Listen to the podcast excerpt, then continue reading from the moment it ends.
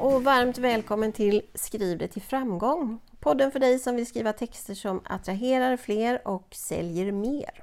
Jag som poddar heter Jessica Ros Ramqvist och arbetar som skrivcoach och skribent.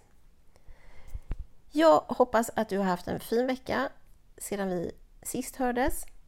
Själv blev min förra veckan, den, den blev så mycket mer intensiv än vad jag hade tänkt mig. Den såg oerhört välplanerad ut i början av veckan, men jag ska inte säga att den kraschade, men den blev lite kaosartad.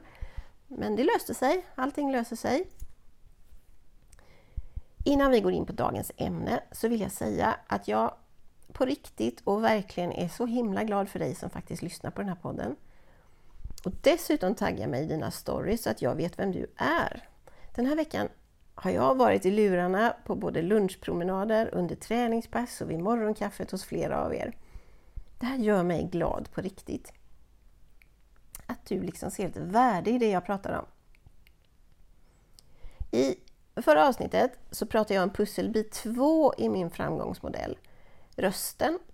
Idag plockar jag upp pusselbit 3 och vill prata om struktur. Eh, du kanske tycker precis som jag att själva ordet struktur eh, låter aptråkigt. I mina öron låter det uppstyrt och helt utan utrymme för kreativitet. Ändå är det precis tvärtom. Genom struktur skapar du möjligheten att vara just kreativ. Åtminstone funkar jag så. Och när jag pratar om struktur så pratar jag inte om struktur i, det, i ditt skrivande på det sättet att du ska schemalägga dagar och tider. Till exempel varje dag mellan 8 och 9 ska du skriva. Eh, det jag menar är hur du skapar struktur i dina texter, alltså själva byggandet av dina säljande texter. Det är det jag menar. Och att skapa struktur i sina texter, det finns ju inget facit här heller, men som skrivcoach då kan jag ändå se vad som funkar för mig och vad som faktiskt funkar för mina kunder. Jag kan se att struktur är en nyckelkomponent faktiskt när du vill skriva texter som säljer åt dig. Och då pratar jag sociala medier, nyhetsbrev, hemsida och så vidare. Det vill säga de kanaler där du som företagare publicerar dina texter. Där du syns helt enkelt. Och hur kommer det sig att det är en nyckelkomponent då? Ja men så här. En välstrukturerad text gör det så mycket lättare för din läsare att förstå vad det är du vill säga med dina texter. Det ökar alltså chansen för dig att nå fram till din målgrupp. Att nå fram och nå ut. Du kan också genom en tydlig struktur framhäva ditt huvudbudskap på ett väldigt effektivt sätt. Det minskar risken för att din läsare tappar bort sig i eventuella sidospår. När du skriver en säljande text så vill du övertyga din läsare om något. Du vill övertyga om att din tjänst eller produkt är så oemotståndlig så att läsaren känner ett behov. Med hjälp av struktur kan du både argumentera och presentera på ett sådant sätt att du faktiskt övertygar läsaren om värdet i det du erbjuder. För det är precis vad du gör. Du erbjuder ett värde. Och visst vill du att din eh, läsare på ett enkelt sätt ska kunna ta till sig det du skriver, hitta informationen du söker. Även här hjälper struktur dig på det sättet att en struktur, strukturerad text är läsvänlig.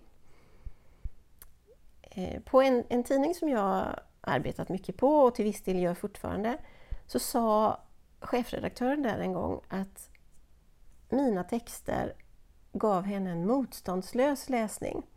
Det är så fint sagt. Och Det är något jag har tagit med mig och något jag också försöker lära mina kunder. Att du hela tiden ska sträva efter att bjuda din läsare på en så motståndslös läsning som möjligt. Det är så värdefullt.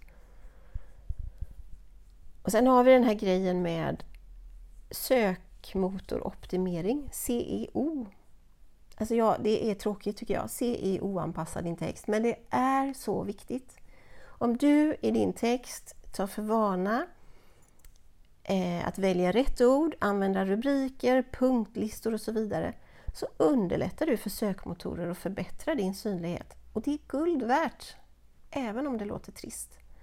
Väver du in det i din struktur Då behöver du inte fundera på det sen. Då gör du det av bara farten. Exakt hur du bygger en struktur för en säljande text, det kan såklart variera. Men jag skulle vilja säga att det finns en grundstruktur som du kan applicera på dina texter oavsett vad det är för texter du skriver. Som journalist så har jag strukturen med mig i ryggraden, även om den inte kan följas slaviskt i alla texter såklart. Men titta gärna på en artikel i dagens tidning. Ta på dig strukturglasögonen så kommer du se att, artik Oj, ursäkta. att artikeln är uppbyggd av rubrik, ingress, brödtext och mellanrubriker. Här har du liksom själva skelettet till din struktur. Du behöver alltid börja med en rubrik som på något sätt fångar din läsares intresse. Och din rubrik den kan eh, locka, provocera, väcka nyfikenhet eller något annat. Det viktiga är att du har väckt läsarens intresse till att vilja veta mer, alltså vilja läsa mer. Du ska skapa en hook helt enkelt. Sen kommer vi till ingressen. Eh, skriver du inlägg till sociala medier och nyhetsbrev och så vidare så tänker du sannolikt inte ingress. Eh, men tänk att första stycket efter en rubrik fungerar som en ingress. Eller inledning om du hellre vill kalla det så. Inledningen ska berätta mer om vad resten av texten handlar om utan att avslöja för mycket. Du kan inte servera allt redan i inledningen för då är det ingen som vill läsa vidare. Då har de redan fått allt de behöver veta. Det är lite trixigt, men det är så värt att öva på. Efter inledningen så kommer själva brödtexten. Det är resten av din text. Och det är här du ska presentera fördelarna med ditt erbjudande. Gärna med sociala bevis och kanske till och med med garantier.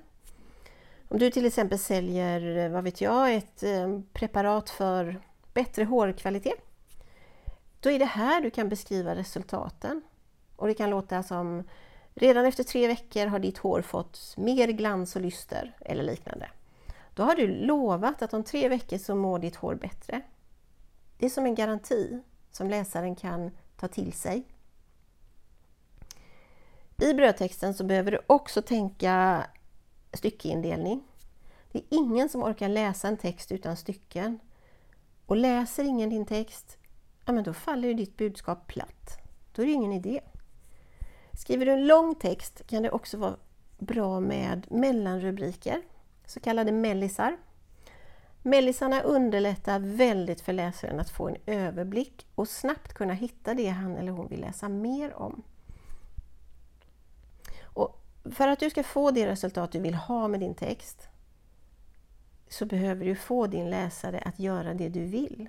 Du behöver få din läsare att agera. Därför behöver du någon form av call to action. Vad beror ju helt på vad du är ute efter. Eh, vill du att de anmäler sig till någonting, ett webbinar eller en föreläsning? Vill du att de kontaktar dig, signar sig för ditt nyhetsbrev eller rent av köper direkt? Då behöver du styra din läsare dit du vill. Om du använder en struktur som den som jag berättat om här så kan du öka effektiviteten i dina texter och därmed också öka chanserna att övertyga din läsare om att agera på det sätt du vill. Du kan naturligtvis behöva anpassa strukturen lite grann beroende på målet med texten. Om du vill sälja, informera eller övertyga. Men jag skulle nog ändå säga att den här grundstrukturen funkar oavsett vad. Men du behöver anpassa innehållet så skapa dig en grundstruktur som du alltid kan luta dig mot. Om du provar, jag skulle vilja be dig att faktiskt aktivt prova att skapa en struktur i dina texter och se vad som händer.